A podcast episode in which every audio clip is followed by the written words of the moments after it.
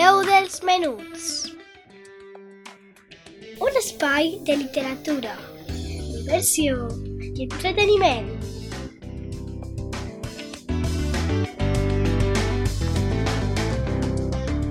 Amb Laia Esteve.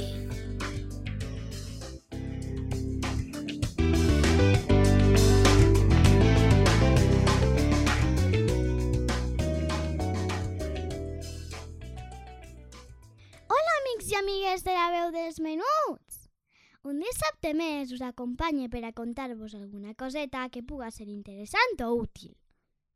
Avui, en concret, davant les altes temperatures que s'esperen per als pròxims dies, he decidit parlar-vos de com combatre la calor i què fer si patim una insolació.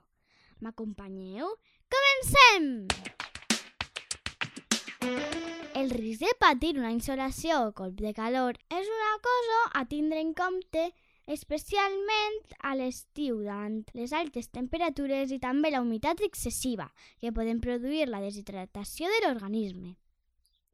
La prevenció amb una bona hidratació, l'ús de robes adequades, caminar per l'ombra, una alimentació adequada i evitar ser al carrer en les hores de més calor, entre altres mesures, és sempre la millor opció. Quins són els símptomes d'una insolació? És fonamental saber quins són els símptomes d'un colp de calor per a poder reaccionar a temps i de la forma adequada, ja que és una situació de risc que pot ser molt greu, especialment en persones majors i xiquets xicotets, que són els que presenten un major risc de patir-lo. En la fase inicial, els símptomes més habituals són el mal de cap, els marejos, les nàusees i fins i tot vòmits. En la següent etapa sorgeixen altres símptomes, com enrampades, elevació de la temperatura corporal, en un quart d'hora pot pujar fins als 40 graus. Convulsions, alteració de la consciència o desorientació. I aquesta ja és una situació de gravetat que exigeix una reacció immediata, ja que en cas contrari pot arribar a produir-se un col·lapse. Què hem de fer davant una insolació? Quan es reconeixen en una persona o en un mateix qualsevol dels símptomes d'una insolació o cop de calor, el més convenient és sempre acudir a un servei d'urgències o al lloc de socors si és a la platja o en una piscina. Però si per qualsevol raó això no fora possible, cal seguir els següents passos. 1. Portar a la persona afectada a un lloc amb ombra i el més fresc possible. 2. Col·locar-la en posició semiasseguda amb el cap alçat per afavorir la respiració i que puga entrar aire. 3. Per a reduir la temperatura corporal cal llevar-li una mica de roba, fer-li aire, ventall o ventilador i utilitzar compreses d'aigua freda en el front, el clatell, el coll i altres parts del cos.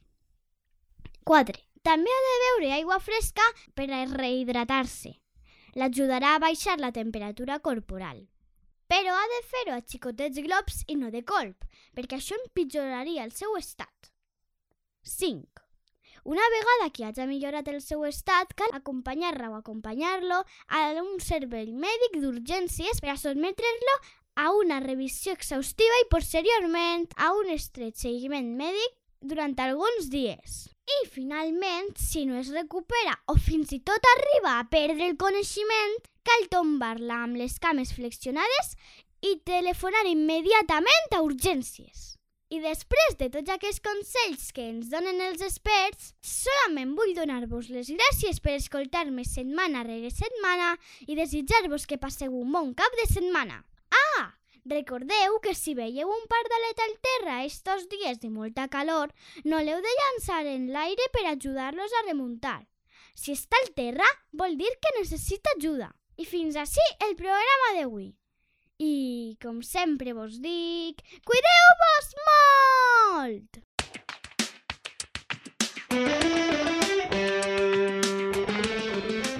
La veu dels menuts.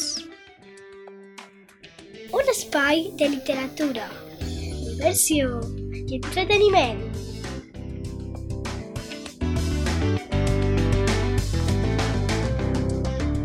Amb Laia Esteve.